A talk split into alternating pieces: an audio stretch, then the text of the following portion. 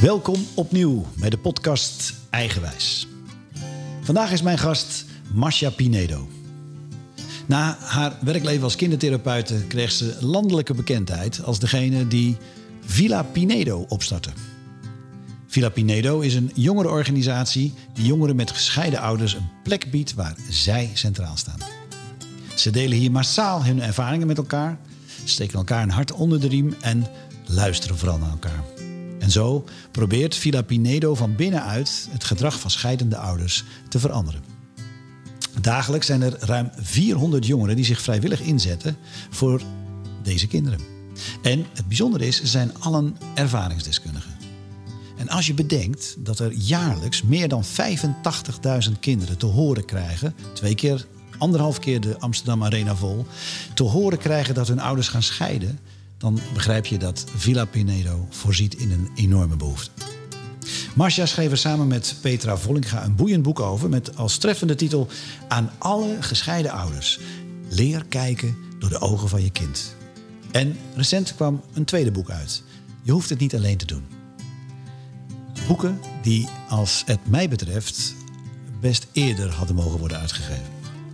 Want ik ben namelijk, helaas, een prototype van de doelgroep van de Villa Pinedo. Mijn eerste huwelijk eindigde in 2008, na 18 jaar samen, in een voor mij volstrekt onvoorziene vechtscheiding, die nog altijd een flink litteken achterlaat. Geëxcommuniceerd door de moeder van mijn kinderen. Afschuwelijke ervaringen zijn het gevolg. En natuurlijk in het bijzonder voor onze twee dochters. Masha stond al veel langer op mijn lijstje, maar ik moest eerst over mijn eigen schaamte heen stappen dat het me niet is gelukt om in gesprek te blijven met mijn voormalig echtgenoot. Marcia heb ik twee keer eerder ontmoet en gesproken. En beide keren intrigeerde ze me door haar open blik en ogenschijnlijke onverschrokkenheid waarmee ze de wereld in kijkt. En zaken durft te adresseren die ook gevoelig kunnen liggen. Ze is duidelijk een vrouw met een missie. Marcia is getrouwd met Guy en samen zijn ze de ouders van drie kinderen. Recent heeft ze haar taken binnen Villa Pinedo overgedragen en wacht een totaal nieuw landschap op haar. En welke dat is, gaan we het natuurlijk over hebben. Ze heeft de laatste tijd in het bijzonder, maar eigenlijk de afgelopen tien jaar veel media-aandacht gekregen. En daardoor is ze uiteraard bekend met microfoon en mensen die haar allerlei vragen stellen. Ik ben oprecht nieuwsgierig welke verhalen we gaan vangen in deze aflevering van de podcast Eigenwijs. Masha, welkom. Dankjewel. In je eigen huis, want we zijn in. Waar zijn we? We zijn uh, in Amsterdam op het kantoor van Villa Pinedo, waar wij nu vijf jaar al um, ja, ons mooie werk uit uh, oefenen. Prachtig. En wat zegt deze plek over jou? Wat zegt deze plek over mij? Nou ja, ik zocht wel um, echt een uh, huiselijke plek. Een plek waar, um, waar als je binnenkomt echt wel het gevoel hebt van... dit is wel een thuis. Um, dus het is geen kantoorpand of zo, maar wel echt, je kan hier ook, uh, zou je ook kunnen wonen, zeg maar. En dat, dat zegt iets over jou? Ja, en ook wel de uitstraling die Villa Pinedo, uh, die we graag willen uitdragen naar de jongeren en naar anderen die bij ons komen. Ja. Voor mensen die jou helemaal niet kennen, uh, even een aantal vragen om context te maken. Marcia Pinedo, wat, wat drijft Marcia in het leven? Wat geeft het leven betekenis voor jou? Hmm. Wat een mooie beginnende vraag. Wat geeft het leven betekenis voor mij? Um, nou ja, ik ben altijd op zoek naar um, verbinding met mensen, met, ook met onderwerpen. Um, ja, ik ben, ik ben denk ik wel heel oplettend en observerend en kijkend naar niet alleen maar het verbalen wat iemand zegt, maar ook het non-verbale. Ook al komt dat met elkaar overeen, zeg maar. Dus dat is een soort check-up die ik wel een soort onbewust doe. Ja, en wat drijft mij is, ik wil heel graag uh, mijn steentje bijdragen om de wereld wat mooier te maken. Als je kijkt naar jouw wording zeggen, deze podcast gaat over je eigen wijze, je eigen wijze vinden. En dat is natuurlijk een proces waar je je hele leven mee bezig bent.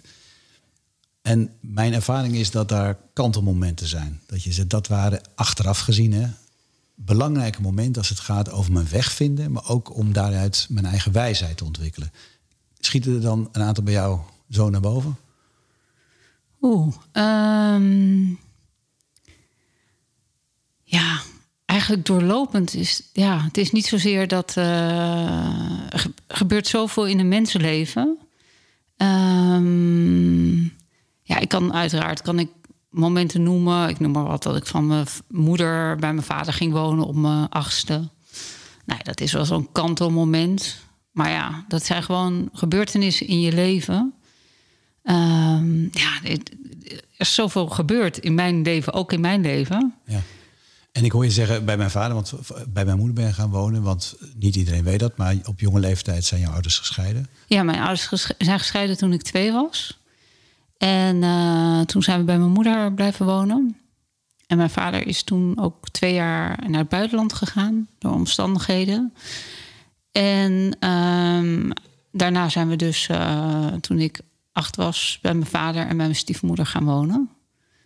En um, ja, een totale andere situatie en ja, een nieuw huis. Het klinkt, want ik vraag een kantelmoment, we pakken deze er even uit. Het klinkt als een fantastische voedingsbodem van wat je later bent gaan doen. Ja. Dat kan haast niet anders. Hè? Ja. Dat vind ik ook altijd interessant. Als je de wordingsweg van mensen hoort, dan zit er achteraf gezien een soort logica in. Hè? En als je kijkt naar hoe het zich later vormgeeft in je werkleven. Ja. En dat geldt voor jou natuurlijk in dit geval helemaal. Een vraag die eraan gerelateerd is. Mijn ervaring is dat ik ik noem het gidsen, maar mensen, coaches, die mij op belangrijke momenten een duwtje hebben gegeven in de goede richting. Ken jij die ook? Ja, zeker. Ehm, die voor jou belangrijk zijn geweest. En misschien nog wel. Ja, nou ja. Ehm, ik denk dan in ieder geval in mijn jonge jaren heel erg aan mijn opa. Ik heb een, uh, mijn opa is overleden toen ik acht was. Maar dat was wel iemand die er heel erg was ik ken hem, ik ken hem eigenlijk niet zo goed. Ik bedoel, hij is toen dus uh, overleden. Maar terwijl iemand wiens aanwezigheid ik altijd voelde, hij was er echt. Met zijn aandacht bij, zeg maar. En dat is wel iemand die, uh, zeker in mijn jonge jaren, me zeker heeft gevormd. En als je dat zegt, dan komt bij mij meteen naar boven. Die was er met zijn aandacht volledig bij. Ja. Dus hij was inspiratiebrand om dat later in jouw leven, hoe dan ook, ook te gaan doen. Nou ja, dat vind ik wel een uitdaging, zeg maar, in, in mijn leven. Om, uh, om er inderdaad steeds met je aandacht bij te zijn. Want het is zo makkelijk om te doen en snel. En ja, en aan de andere kant mis je dan zoveel. Dus ja, om erbij te zijn, echt met je aandacht te zijn hier. Dat we nu hier zitten in Amsterdam. Aan tafel. Met Frank. Ja. Nou, enzovoort. Dus dat dat echt een bewust iets is en niet zomaar even snel. Ja. Naast opa, wie waren er nog meer? Of wie zijn nog meer belangrijk voor jou geweest? Het gaat om het vinden van je eigen wijze. Um, ja, ik ga dan meteen even mijn leven een beetje zo, zo door. Um, even kijken hoor. God. God. nou, ik ben best. Nou, nee, God, ik ben niet uh, geloof. Ik ben wel uh, uh, met het geloof opgevoed, maar ik ben niet gelovig opgevoed. maar ik, ik geloof wel heel erg in, in ook het niet zichtbare, zeg maar. Dus wat we misschien niet, ja, wat we niet zien, maar wel kunnen voelen. Dus ja. Laten we het voor het gemak God noemen. Is, is, is dat ook een inspiratiebron voor jou? Nou, ik denk dat, dat God heel erg ja, wat een god vind ik ook een. Het, heeft meteen al een lading, zeg maar. En iedereen is, ja, heeft daar wel of geen beeld bij. Maar ik denk dat het, het goddelijke, zeg maar, zit gewoon in ons. En ik. Uh... Het mooie is, sorry ik je onderbreek, Marcia. Maar ooit zei iemand tegen mij, dat vond ik, heeft mij ontzettend geholpen. Want God is zo'n zo'n groot begrip. Die zei: als je de Bijbel gaat lezen. en je leest bij elk woord waar God staat. lees je het woord licht, leven of liefde dan moet je dat boek dus opnieuw gaan lezen. En dan krijgt het een heel andere toon en is die veel toegankelijker. Ja. Want volgens mij zijn het synoniemen. Ja, ja. dan gaat bij mij, inderdaad, liefde is voor mij wel echt een, uh, het goddelijke, zeg maar. Ik heb nooit de Bijbel gelezen. dus, um, maar um, ja, dat is wel echt wat mij ook nu dagelijks, zeg maar, wel helpt. Ik zoek wel altijd een soort van uh, uh, ja, een soort van contact of zo. In meditatie of in. eh, ja, dat is wel echt. Ja. Ja, maar dat is, meditatie is een voor de hand liggende vorm. Doe je dat ook op andere manieren? Ja, eigenlijk spreek je eigenlijk nooit over. Dus dat is een beetje gek om dat zo eh, nu wel te doen. Maar ehm, ja, ik heb best wel vaak dat ik hulp vraag. En, eh, maar ook als ik bijvoorbeeld op straat loop en ik zie iemand heel verdrietig zijn of zo, dan kan ik ook wel vragen van willen jullie even deze meneer of mevrouw even, even helpen? Ja, dan gaat jouw hart open. Ja, ja, Ja, mooi. Ja. En we, en dan- en we- zijn net begonnen, Masha. We hadden het over gidsen. En we hebben gelijk de grootste te pakken. Ja. En ik laat de vraag los. En ik koppel het een beetje aan... Je eigen wijze wordt natuurlijk ook gevormd door je socialisatieproces. Hoe heeft het gezin en de opvoeding, weten hè, gescheiden ouders, maar dan nog is er van alles. Hoe heeft dat op jou invloed gehad als het gaat over het vinden van je eigen wijze? Nou, ik kom uit een gezin die ehm, eh, wel echt wel heel een soort streberig is, zeg maar. Ehm, sowieso moet je iets doen voor, eh, voor de ander, maatschappij. En ehm, ja, mijn vader is, eh, is arts en ja, is, daar ook wel heel goed in geweest op allerlei manieren en vormen.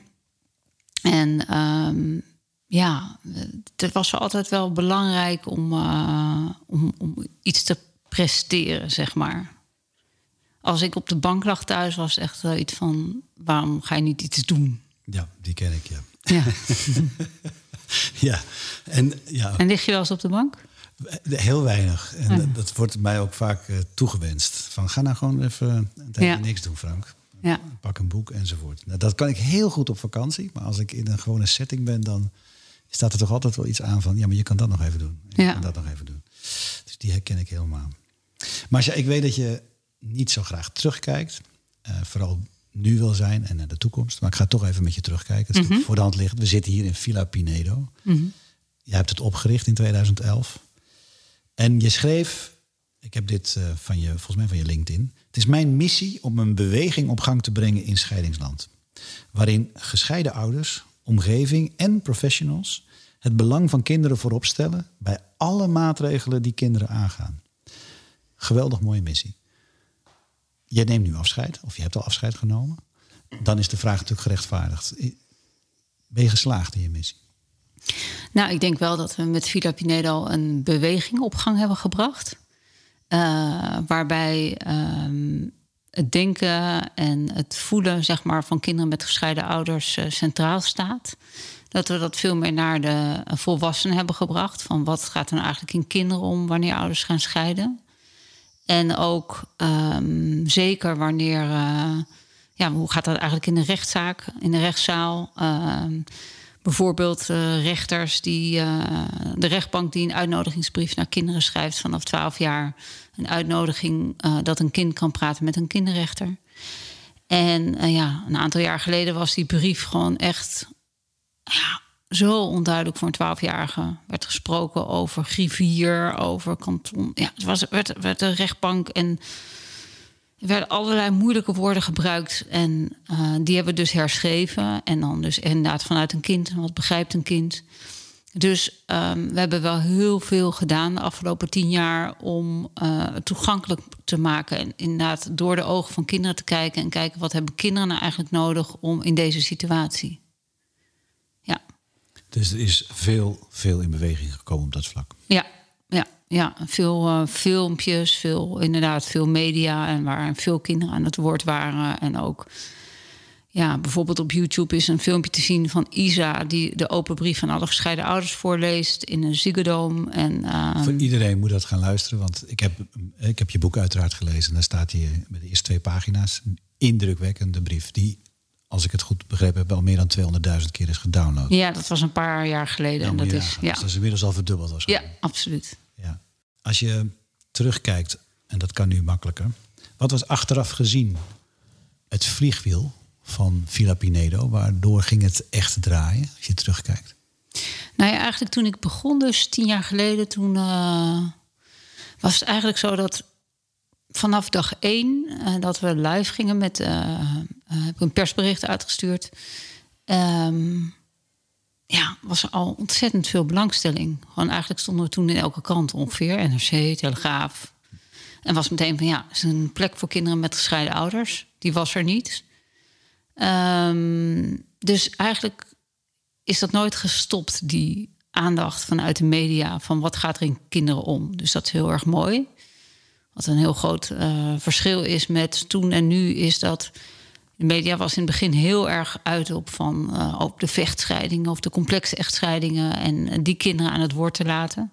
En wat we bijvoorbeeld hebben geprobeerd is veel meer um, ook de positieve verhalen te delen. Ik bedoel, 40% van de uh, huwelijken houdt geen stand. 40 procent? 40 procent zonder de samenwonende stellen meegerekend die uit elkaar gaan.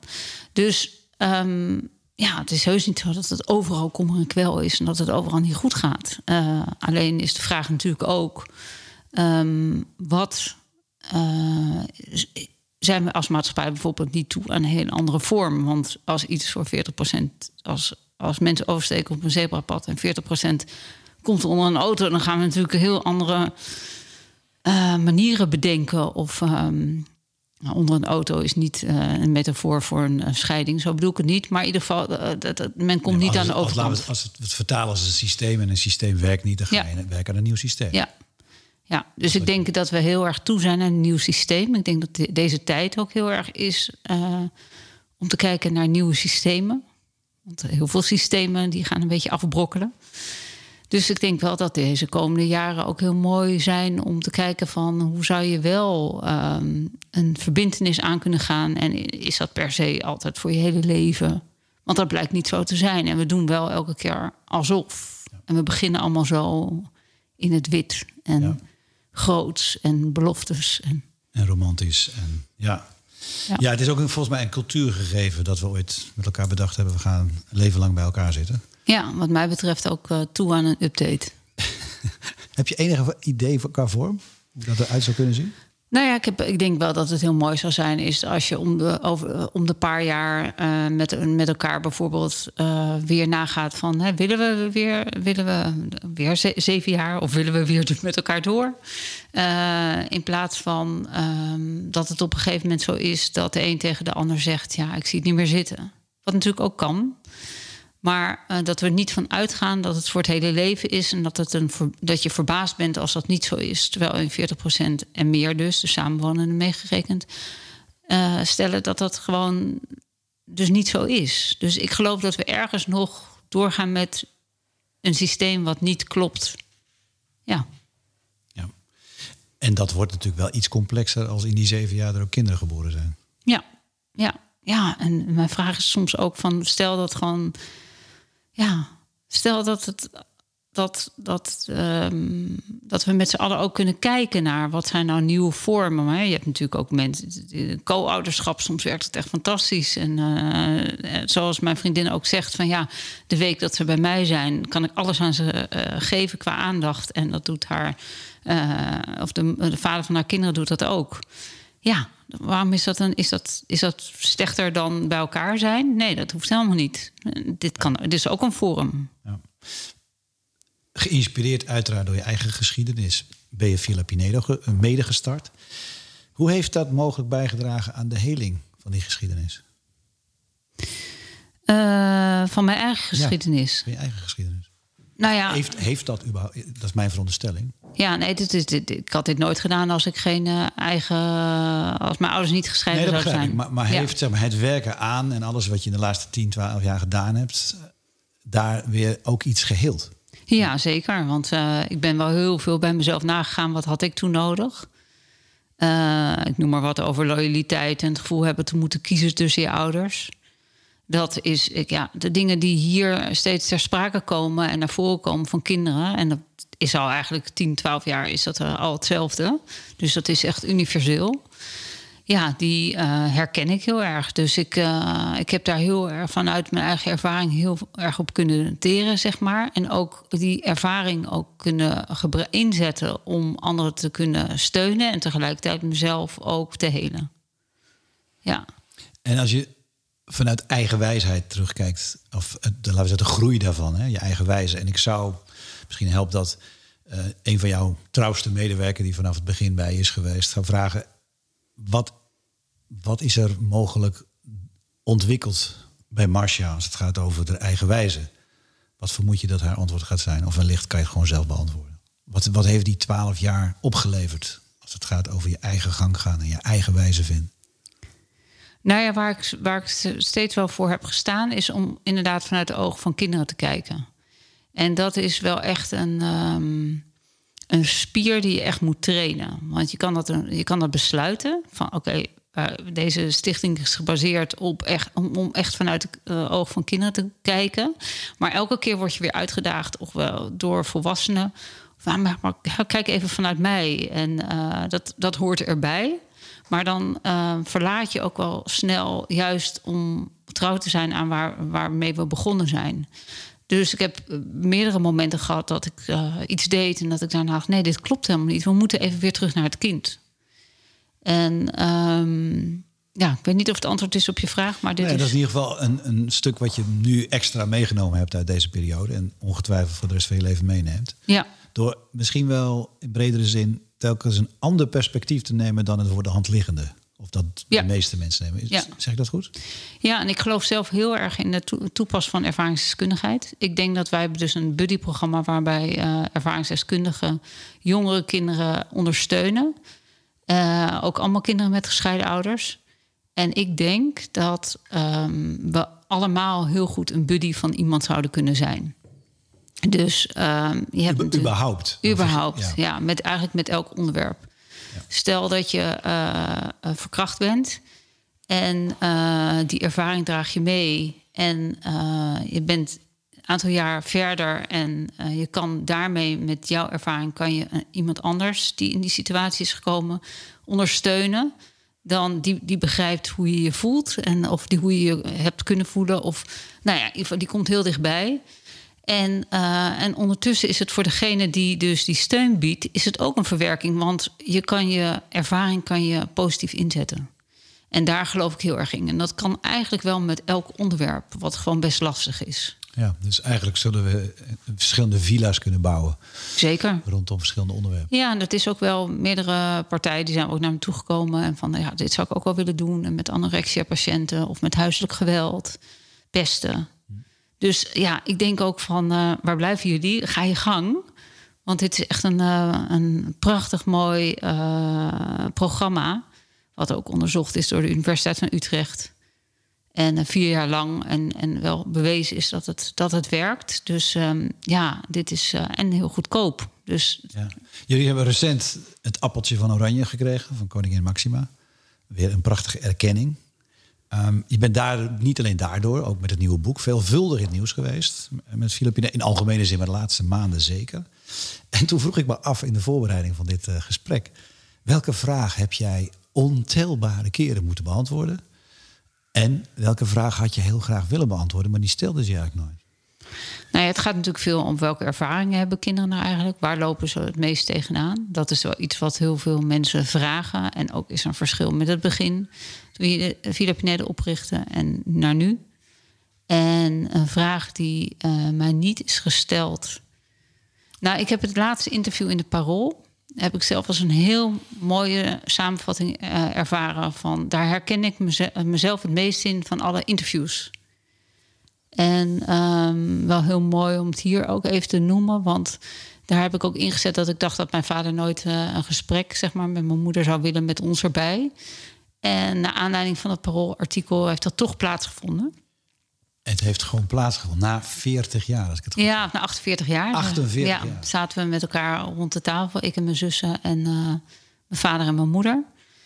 En eh, dat was heel fijn. En Dus Ja, d- het is, hoe was dat voor jou? Ja, nou ja, dat was heel spannend. In het begin, eh, voor, de, voor, voorafgaand, zeg maar, eh, raakte iedereen een beetje nerveus. En eh, mijn zus eh, zei ook van, ja, ik heb hier helemaal geen zin in. Waarom doen we dit? En eh, nou ja, allemaal hadden we gewoon ons ding. Op een gegeven moment zei ik ook tegen mijn moeder, laten we dit gewoon niet doen. En, eh, wat een gedoe. Maar, ehm, nou, toch hebben we dat gedaan. Dus op zaterdagochtend eh, bij mij thuis. En toen kwam mijn vader binnen en mijn moeder was er al. En we hadden een lunch klaargemaakt, mijn moeder en ik. En mijn zussen waren er ook, kwamen ook. En ehm, ja, het mooie is dat het gewoon... Het was wat, wat heel mooi vanuit kindperspectief, dus vanuit mezelf, is, is dat je oorspronkelijke gezin eh, zit bij elkaar. Dus zo zijn we ooit begonnen, zeg maar. En ehm, ik heb nog nooit zo mijn vader en mijn moeder van dichtbij zo direct met elkaar zien communiceren. En dat was nu wel het geval. En wat ik heel leerzaam aan vond, eh, en ook gewoon heel mooi, is dat ehm, dingen die eh, best onduidelijk waren, zeg maar. ehm, bijvoorbeeld waarom mijn vader naar Amerika was gegaan twee jaar lang toen we zo klein waren. Of eh, waarom zijn dingen gebeurd zoals ze zijn gebeurd. Die werden ook tussen mijn ouders uitgesproken. Dus zij hadden, alle twee hadden ze bepaalde veronderstellingen of gedachten of ehm, ingevuld. En heel veel bleek helemaal niet te kloppen. En ja, ik zag dat gewoon het gesprek tussen hun gewoon plaatsvinden. En eh, ja, ik zag ook wel echt van ja, dit is. Ik zag ook wel wat er ooit geweest was. Terwijl er daarvoor, ja, dat was gewoon continu ontwijken. En als je zegt wat er ooit geweest was, de liefde waar jullie Ja. uit zijn voortgekomen. Ja, ja, ja. Ja, dus het was echt gewoon totaal eh, dat we allemaal dachten: dit gaat nooit gebeuren. Maar eh, En er was dus ook gelegenheid, ook voor jullie als kinderen, om de vragen te stellen die je altijd al had willen stellen, maar nooit aan hen beiden kon stellen. ja, nou ja, eigenlijk hebben we wel altijd wel de vragen gesteld, maar nooit natuurlijk met elkaar erover gehad. En eh, het was eigenlijk was het, het plaatje van mijn vader en mijn moeder en mijn zussen, twee zussen en ik bij elkaar aan een tafel. was eigenlijk al gewoon vink. Dat was al voldoende, zeg maar. En dat dat rustig was en er was geen spanning en er was. Ja, er werden gewoon dingen uitgesproken. Dus ja, ik zou bijna zeggen. Ja, ik, dat dit is een stimulans eigenlijk voor iedereen om, om een keer met elkaar te zitten. Hoe Zo- lang het ook geleden is. Zo hoor ik hem ook hoor. Ja. Zeker, zeker. Mooi. En hoopgevend. Wat gebeurt er nou met jou? Ja, dat raakt natuurlijk. Ja, dat is mijn grootste verlangen. Als dat, als dat mocht pla- mag gaan plaatsvinden. En, eh, Heb je het wel eens gevraagd aan haar? zeker, zeker. Meerdere keren. Ja. Ja. Ja. Ja, mijn moeder heeft het ook vaker gevraagd aan mijn vader. En mijn vader wilde dat niet. En eh, nu wilde hij het wel, dus misschien moet je naar het parool eerst. eerst langs Wie de weet parool. wat deze podcast nog tot gevolg heeft. Dat zou Ja. mooi zijn. Je hebt het over het parool. Laten we daar even op, even op inzoomen. Want ik vond het ook een, echt een heel mooi interview. Wat ik natuurlijk met heel veel belangstelling ter voorbereiding heb gelezen. En je zegt daar, eh, dat voel ik zelf, ik moest er erg om glimlachen. Je zei, het huwelijk is fucking ingewikkeld. Ja, Eh, jij zelf bent nooit gescheiden. Je bent al 30 jaar samen met Guy. en, en- en- Guy, ja. Guy, sorry. Ja. Dat dacht ik van tevoren. Is het Guy of Guy? Nee, Guy. Ja, Guy. Met jouw eigen Guy. Hoe manoeuvreer jij op jouw eigen wijze door zo'n ingewikkeld leven als het huwelijke leven kan zijn?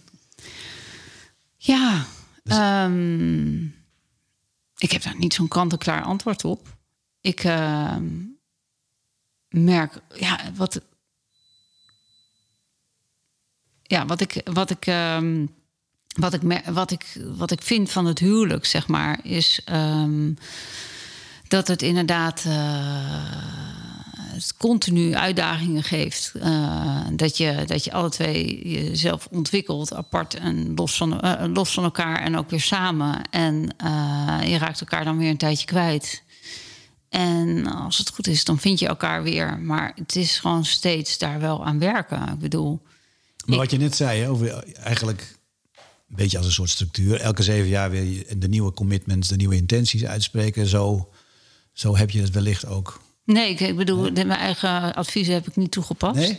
Maar we hebben wel vaker behoorlijke crisissen gehad. En eh, waarbij ik ook dacht van ja, weet je, zullen we er gewoon mee stoppen? Heb ik ook wel, eh, zeker toen, toen ik 30 was of zo, toen dacht ik ook van ja, dat, dat hoort er gewoon bij. Op een gegeven moment ga je uit elkaar. Dat was gewoon mijn ervaring. Dus dat, daar werkte ik eigenlijk ook naartoe. En eh, dat vond ik eigenlijk ook wel een soort van... oké, dan gaan de kinderen heen en weer. En totdat ik achterkwam van... hé, hey, maar ik zit gewoon iets te creëren... wat ik gewoon wat ik me niet kan voorstellen... dat je langer bij elkaar blijft.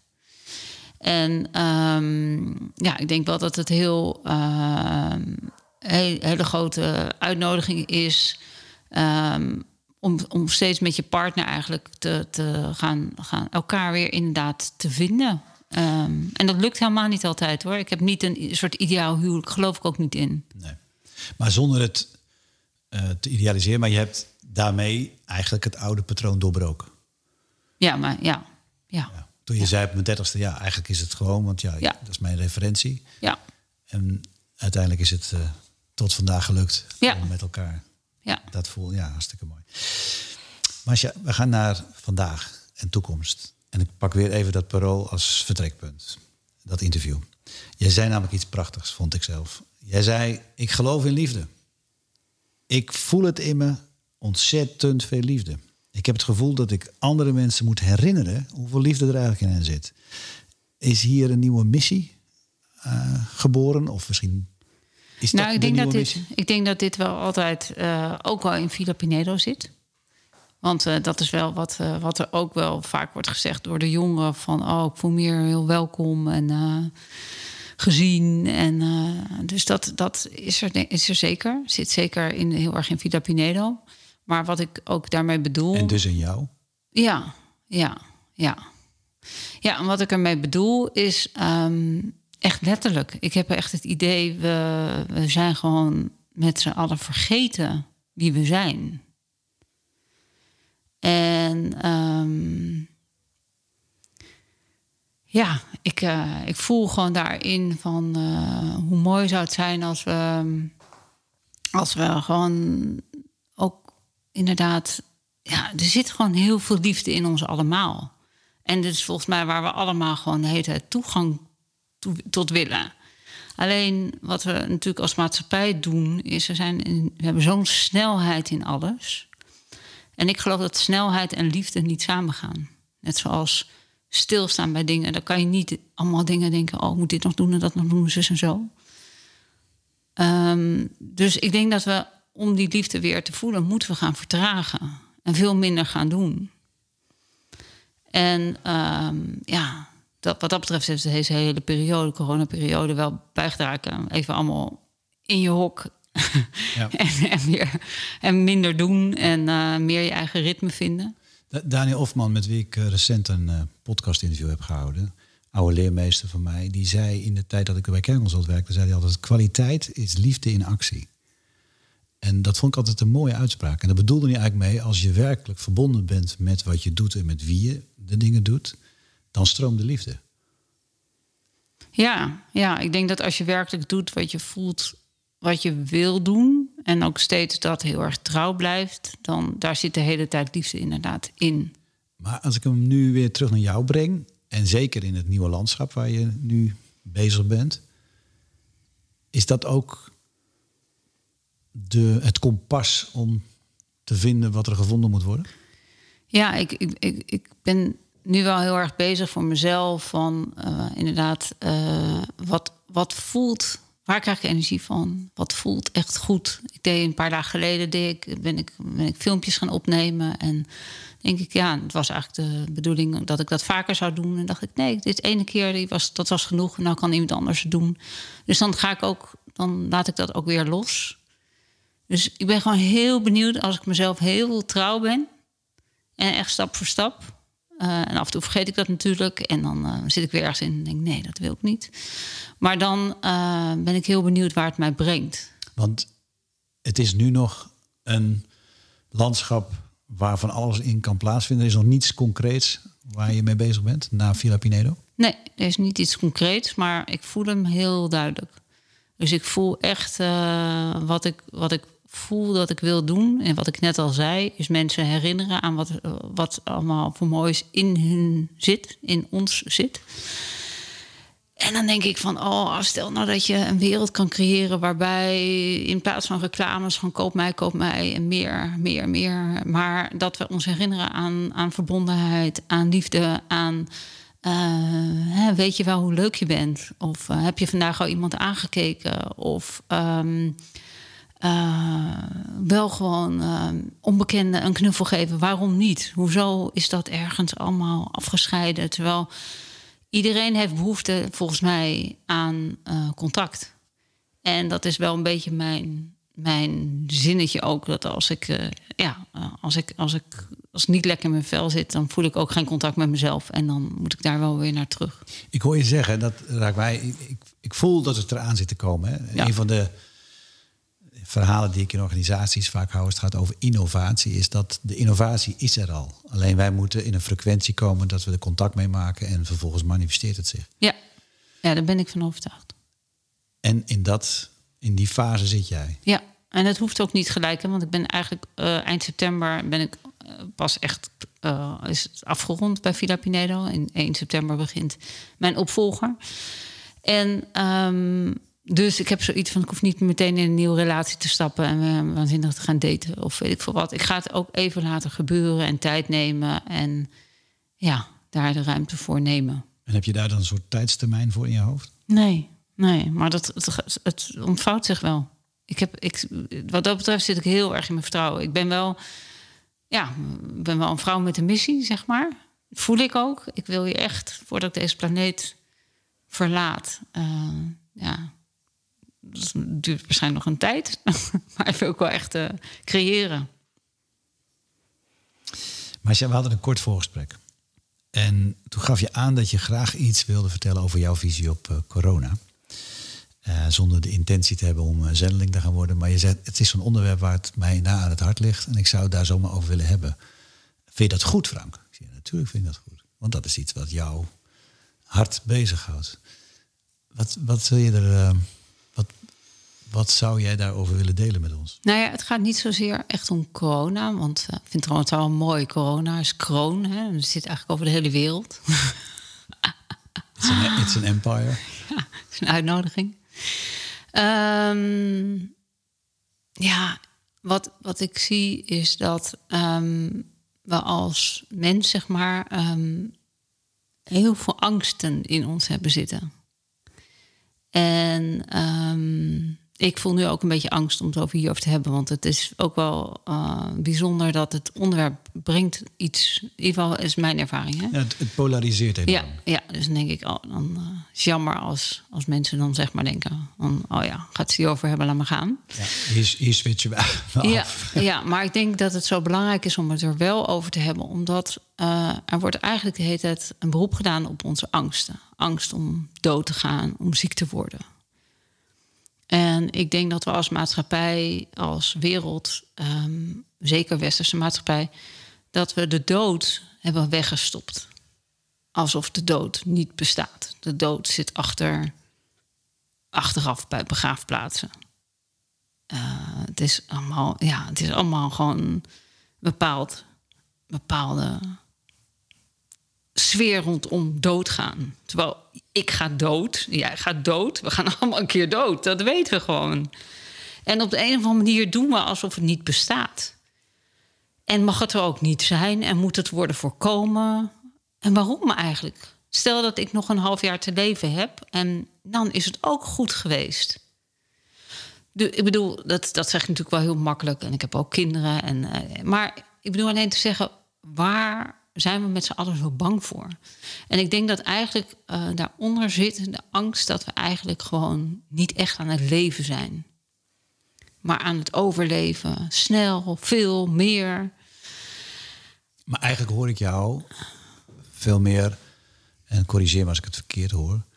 Ik hoor je veel meer zeggen: corona is, wat mij betreft, een enorme bel die ons uitnodigt om het leven vol te gaan omarmen. En dan hoor ik weer de dame die de liefde in de wereld wil zetten. Ja, absoluut. Ja, en tegelijkertijd wordt er wel overal waar je kijkt, wordt er angst, wordt gestimuleerd.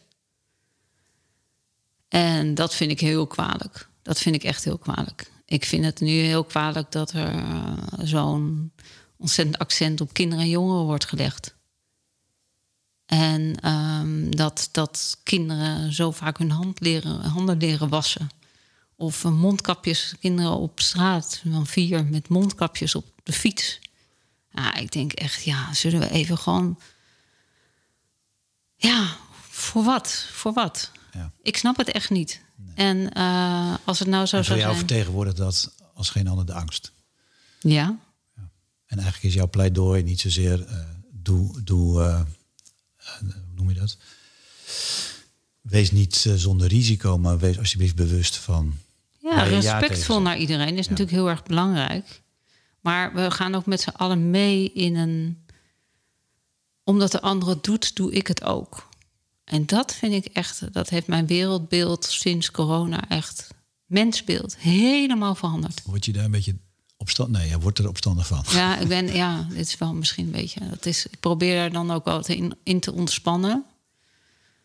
Maar, uh, maar voor jou staat het voor iets breders. Ja, ja, van we, hebben, we, zijn, we zijn vrij, hè? We zijn gewoon vrije wezens. We zijn vrij. Wij zijn vrij. We zijn vrij geboren en we zijn vrij om keuzes te maken die wel of niet bij ons passen. En uh, ja, ik vind het, het, het uh, sommige dingen doen we terwijl uh, we weten dat het niet goed voor ons is of dat het niet bijdraagt. Of, en toch, omdat de andere het doet, doe, doe ik het ook, zeg maar.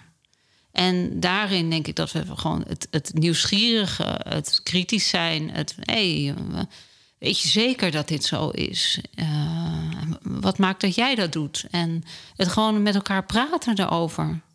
Het mag, lijkt net of dat niet mag, of dat dat meteen wordt. het blijkt ook uit hoe voorzichtig je nu ook je ja. woorden kiest. Ja. Dat het allemaal heel gevoelig is. Wat ik al zei, het polariseert. Zit daar ook niet een voedingsbodem in voor jouw nabije toekomst? Niet zozeer over corona, maar wel het, uh, laten we zeggen, mensen wakkerder maken ja. op hoe we met dingen omgaan? Ja, absoluut. Ja, ik denk echt van mijn, mijn, oh, mijn, dat lijkt nou bij mezelf. Ik word zelf steeds wakkerder. En dat is van dingen als bijvoorbeeld. Uh, gisteren had ik een besef dat ik nog nooit had gehad. Ik dacht, uh, ik had bij orgaandonatie had ik alles ingevuld. Je mag alles van me hebben, behalve mijn ogen. Maar verder mag je alles gebruiken. Je, wie is je, maar. En toen dacht ik, waarom is het eigenlijk zo dat wij als 17 miljoen, 17 plus miljoen mensen dat allemaal eigenlijk zo, als je niet iets hebt ingevuld, dan is het gewoon of voor de wetenschap of kan het gewoon je organen kunnen uitgehaald worden. waarom eigenlijk? Waarom, waarom is dat? Dus ik zat mezelf echt af te vragen. Hè? En heel vaak gaan orgaandonaties ook niet goed. Hè? Dan wordt dat weer afgestoten. En opeens dacht ik, ik wil gewoon eigenlijk mijn eigen organen houden als ik dood ben. Alleen moet ik me even in DigiD uh, inloggen, weet ik, moet ik vinden. Maar dat was eigenlijk een besef wat ik daar had van... Ik vond het eigenlijk heel stoer van mezelf dat ik alles weggaf.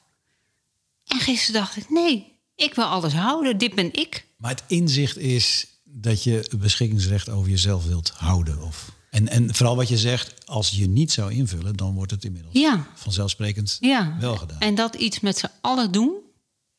Daar voor de ander onder het mom van voor de ander, daar is een soort van, vind ik een wolf in schaapskleren. Daar is de gepaste achterdocht aan het groeien. Ja, en niet zozeer van conspiracy, weet ik veel wat, al die dingen, daar ben ik niet mee bezig. Maar ik denk wel bij mezelf van, ja, als je doodgaat, dan dit is gewoon mijn hart en mijn nieren. En als mijn zus mijn nier nodig heeft, mijn zus heeft nog één nier. Als mijn zus mijn nier nodig heeft, krijgt ze meteen. Dus dat, dat, daar, daar gaat het niet over. Maar um, dat we met zoveel mensen zoveel dat eigenlijk soort van weggeven. Wat doet dat eigenlijk met ons als mens? En, en heel veel van dat soort dingen, systeem, dat ik echt denk, hè, hoe zit dat dan? Dus ik ben wel een soort van, ja, ik heb het idee dat ik wel een soort van steeds meer mezelf afvraag. En ik doe dat eigenlijk niet zo in uh, ik, ik, ik, praat erin niet zoveel met mensen daarover. Dan zit ik misschien wel een beetje in mijn eigen wereldje, omdat, uh, omdat het ook vaak zo is dat er op de een manier niet zo over gesproken wordt of ingewikkeld wordt ervaren of zo. Of al heel snel discussie ontstaat ja. van ik weet het beter dan jij. Ja. En dat is ook niet echt. Uh, en ik weet het ook allemaal niet. Nee, nee, maar goed, wat je voor mij, wat je voor mij eigenlijk beschrijft, is jouw eigen voortschrijdende inzicht in gewoon uh, ja, systemische dingen, grootse dingen. En toch, als ik, maar ja, misschien wil ik het horen, hoor ik telkens weer die dame die graag de liefde in de wereld wil zetten. Ja, ja, en wat ik nu ook merk, zeg maar, met, en dat is dan wel de discussie van vaccineren. Ik heb veel mensen in mijn omgeving die echt voelden, ik wil dit eigenlijk niet doen. Maar die zeiden, ja, het is gewoon veel gemakkelijker om het wel te doen. En die deden, zeg maar, we gevaccineerd werden. En dan eigenlijk dachten, ja, ik ben mezelf niet trouw geweest. En dan denk ik, ja, het is wel, we moeten onszelf, dit is wel de uitnodiging volgens mij, om jezelf heel trouw te zijn. En dit is denk ik ook waarom je het erover wilde hebben. Ja. Ja, ja. Mooi. We gaan weer even terug naar eigenwijs. Ja. Eigenwijs. Als je... eh, je bent inmiddels... eh, je bent net 50 geworden. hè? Ja. 50 jaar jong. Dan heb je al 50 jaar ervaring in dit leven. Als je kijkt naar het volgen van je eigen wijze... heeft het je mogelijk ook dingen gekost?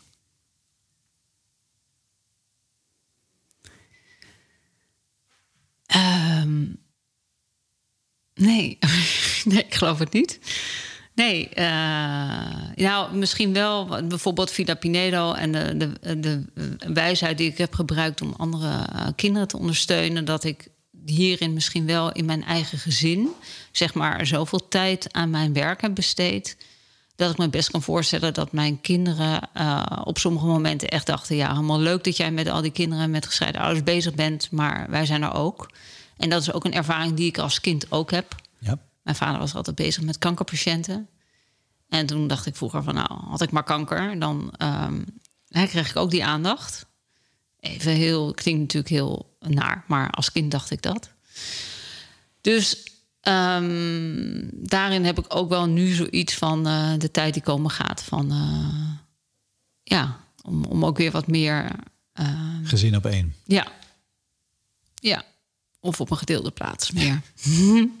Eigenlijk moet ik zeggen Masja op één en zij mogen er allemaal bij. Ja. Ja. Ehm, jij begeleidt heel veel kinderen de afgelopen jaren. En kinderen worden volwassenen. En je hebt het ook, ook wel in trainingen, stoppen jullie dat voor een deel. Maar als ik het puur jou persoonlijk vraag, hè, eh, jonge mensen, het volgen van je eigen wijze. Wat zou je ze vooral mee willen geven? Een aantal dingen heb je impliciet al gezegd. Hè? Blijf bij jezelf, volg je hart. eh, wat, maar wat zijn echt dingen dat je oh, die nieuwe generatie die nu bezig is, de twintigers, de, de tieners, wetende van wat je nu weet. Wat moeten ze, wat zou je ze willen adviseren? Nou ja, elke ervaring, hoe vervelend ook, is gewoon ook waardevol. Dus eh, ik geloof niet zo in spijt of, of had ik het maar anders gehad of zo, dat soort dingen. Maar het is dus ook heel bruikbaar. En dat is wel echt wat je hier merkt. Dat als hier jongeren komen en eh, zijn het eh, voor, eh, voor corona dan 25 jongeren in een ruimte die elkaar niet kennen, van Maastricht tot Groningen, komen ze en zijn ze tien uur zondagochtend hier, doen ze een mobiel uit en zitten ze hier. En binnen 20 minuten is er gewoon een heel diepgaand contact. Dat krijg ik met managers niet eens wel. Nee, nee, en dat is echt eh, heel mooi om te zien. Dat, eh, het zijn dus inderdaad allemaal mensen die elkaar niet kennen. En ehm, door een ervaring die ze hebben doorgemaakt, hebben ze een verbinding.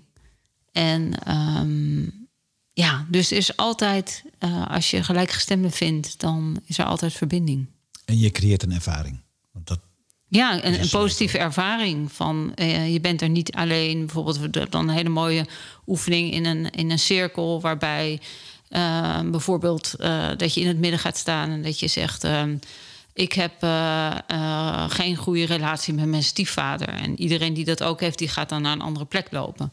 En daarin zie je natuurlijk hoeveel mensen dezelfde ervaring hebben. Terwijl als je, daar, als je er alleen in zit, denk je dat je de enige bent. dus eigenlijk, het titel van jouw boek, je hoeft het niet alleen te doen, Ja. is je belangrijkste advies. Ja, ja, dat is eigenlijk waar Vida Pineda voor staat. Maar ook waar jij voor staat. Ja, waar ik ook voor sta. Ja, en dan moet ik af en toe mezelf wel even aan helpen herinneren dat ik het niet alleen hoef te doen. Dus hij is ook al voor mezelf geschreven. Want eh, ik heb het geschreven met twee eh, collega's en illustrator. Even heel belangrijk om te noemen. Zeker niet alleen gedaan. Ehm, en ik, ik was een jaar of eh, zeven of acht. En ik weet nog heel goed dat ik op mijn bed zat. eh, in Zeist, waar ik toen woonde. En dat ik me had eh, besloten, ik ga het alleen doen. En dat was echt een besluit. En ik denk dat ik gewoon een aantal jaar geleden daarachter kwam van ja, dat, is, dat mag wel opgeheven worden. Maar vanuit daar is ook, in ieder geval vanuit mij, is daar die, die titel geboren. Ja, En je bent lerende. ik ben lerende. Ja, Ja. ja, ja. dat is nog steeds iets wat ik tegen mezelf zeg. Ja. Maar als je de toekomst ligt open, het veld is nog groen, hier en daar voel je al dat er wat gaat groeien. Wat zou je nog heel erg graag nog eens willen doen? Of misschien, Oh, ja. misschien nogal mooier, die vraag heb ik van eh, onze wederzijdse vriendin Marie Wat heb je nog niet geleefd? Nou, van Marie Gewela kan ik leren om te spelen. Dus ik zou wel gewoon eigenlijk wel... eh, wel hè, ja, ik zou, wel ik zou wel willen leren spelen. Ik denk dat ik dat wat te weinig gedaan heb in mijn leven. En wat ik heel graag zou willen doen is... ehm, er is een heel mooie organisatie in Israël. Die heet Kululam. En Kululam, eh, die, ehm, die met duizenden mensen, ook die elkaar niet kennen... die eh, gaan met elkaar zingen. En onder, onder leiding van, ehm, van eh, de organisatie, zeg maar, in een, in een ruimte en, of buiten. En, en wat dat teweeg brengt, zeg maar, met elkaar samen een uur lang. Ze kennen de tekst niet, maar een uur van tevoren krijgen ze de tekst. En dan gaan ze dan met elkaar oefenen. En dat klinkt echt geweldig. Moet je echt opzoeken, Koedelam op eh, K-O-O-L-U-L-A-M, met driepoot. Ehm, op YouTube. En ze hebben fantastische filmpjes. En ik, ik probeer de hele tijd hun naar Nederland te krijgen. En ehm, ja, dat, wil ik, dat gaat ook gebeuren. Maar ik moet nog even, eh, gewoon als het hier wat rustiger is qua ehm, positieve testen en dat soort dingen. Ik meld me aan. Is goed? Graag. Hartstikke leuk. Als jij nou, een van de slotvragen, als jij op mijn stoel zou mogen zitten en je mag iedereen uitnodigen, wie zou je dan heel graag eens willen interviewen? Ehm, wie zou ik heel graag willen interviewen? En dat kan vanuit natuurlijk je werk zijn, maar kan ook vanuit de inspiratie waar je op dit moment mee loopt. Mensen waar je denkt, nou, als dat zou kunnen. Ehm, Ik bedoel, Maxima heb je al gesproken, dus die hoeft niet voor de... nou, ik zou best wel willen interviewen. Ja? Ja. Je hebt Ja. er een paar keer ontmoet. Ik heb een paar keer ontmoet. Ik had ook echt leuke. Het was ook wel heel grappige, leuke anekdote. Ik zei tegen haar van. eh, ik had het even over dat ik haar jurk zo mooi vond. Ik zei, toen zei ik tegen haar van. God, zullen toch veel vrouwen in uw kledingkast willen kijken? Zei ze, nou, krijg heel veel eh, dingen doe ik online en ook voor 70% korting. Echt? ja. Geweldig. Dus dat vond ik wel heel erg leuk. Ja, ik vind het een hele leuke vrouw. Ja. Heel. eh, Ja, ik ken haar uiteraard niet, maar ik vind het een hele leuke vrouw. Hoe ze Ja. profileert en laat zien. Ja, nou, het, het mooie vind ik, het gekke is, ik denk dat als je elk mens neerzet op die stoel en je bent echt geïnteresseerd, is er altijd een mooi verhaal. Ja, ik ben het 100% met je eens. Ben het 100% met je eens. Ik ga jou eh, de ja, inmiddels een beetje bekende vraag stellen rondom het muzieknummer. En ik weet dat je ontzettend hebt geworsteld tot het moment dat ik binnen was hier zelfs. Dat je nog niet, ja, ik ben er nog niet helemaal uit, Frank. Maar inmiddels heb je een keuze gemaakt. En Ja. daar hoort natuurlijk een verhaal bij. Vertel. Nou, het, ik heb niet een heel verhaal hierbij. Het is gewoon een muziek waarbij mijn hart open gaat. Waar ik heel erg eh, hou van de melodie en van alle instrumenten. En dat ik denk van ja, ik wil daar wel zijn waar zij zijn. Dus in die sfeer eh, begeef ik me heel graag. En ehm, het, dat is gewoon warmte, dat is eh, met elkaar eh, mooie dingen maken. Ehm, en ook anderen uitnodigen om erbij te komen zitten. Dat is wat het uitstraalt. En hoe heet het? Goeie vraag. Moeilijke vraag. Ja. Er staat om. We gaan er naar luisteren. Oh, ik hou hier zo van. Ah, dit nodigt wel uit. Ja.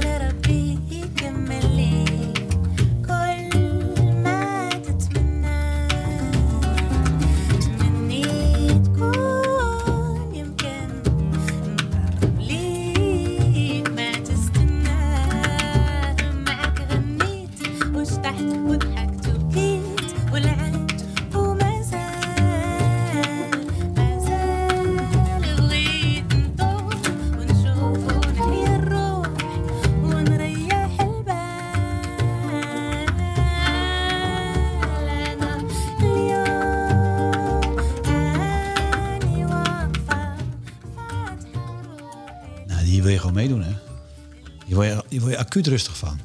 Lekker. Heerlijk. Heerlijke muziek. Nou, Masha, we zijn eh, aan het einde gekomen van, eh, ja, van ons eh, interview. En dan, daar hoort dit muziekje bij. Ja. Nou, mooi. Dus ik ben eigenlijk... hier- ja, de rest geen script of, of geen vragen meer. Ik ben heel nieuwsgierig hoe je het gevonden. Ja, ik vond het heel mooi en heel. Ja, ik heb ieder geval best wel veel van mezelf laten zien, hoe ik echt ben. En ja, dat is best ook spannend. Maar eh, ik hou er ook wel van. Want eh, ik laat mezelf graag zien en ik hoop dat anderen zich daardoor ook uitgenodigd voelen om zichzelf te laten zien. Daar hoort de vrouw met een missie bij, hè? Ja. Die zichzelf gewoon ook durft te laten... Dat was ook dat stukje waarvan ik zei... ik heb je twee keer ontmoet en dat zag ik in je ogen. En dat is ook in dit gesprek naar voren gekomen. Dus heel hartelijk dank. Dank je wel voor jouw luisterend oor en mooie vragen. Ja, heel graag gedaan. Voor de luisteraars, mocht je nog wat meer informatie willen of contact maken met Masha, dat kan je doen via haar LinkedIn-account. En uiteraard kun je nog veel informatie vinden op www.villapinedo.nl. En eh, ja, wat mezelf betreft, eh, nou, mocht je mij iets willen vragen, van harte welkom. Ik ben bereikbaar op frankpronk.me.com en uiteraard ook via LinkedIn. Eh, abonneer je als je het leuk vindt op de podcast. En wat mij betreft, nogmaals, hartelijk dank Masha. Dank je wel. En wij lopelijk, eh, horen elkaar weer bij de volgende podcast van de serie Eigenwijs.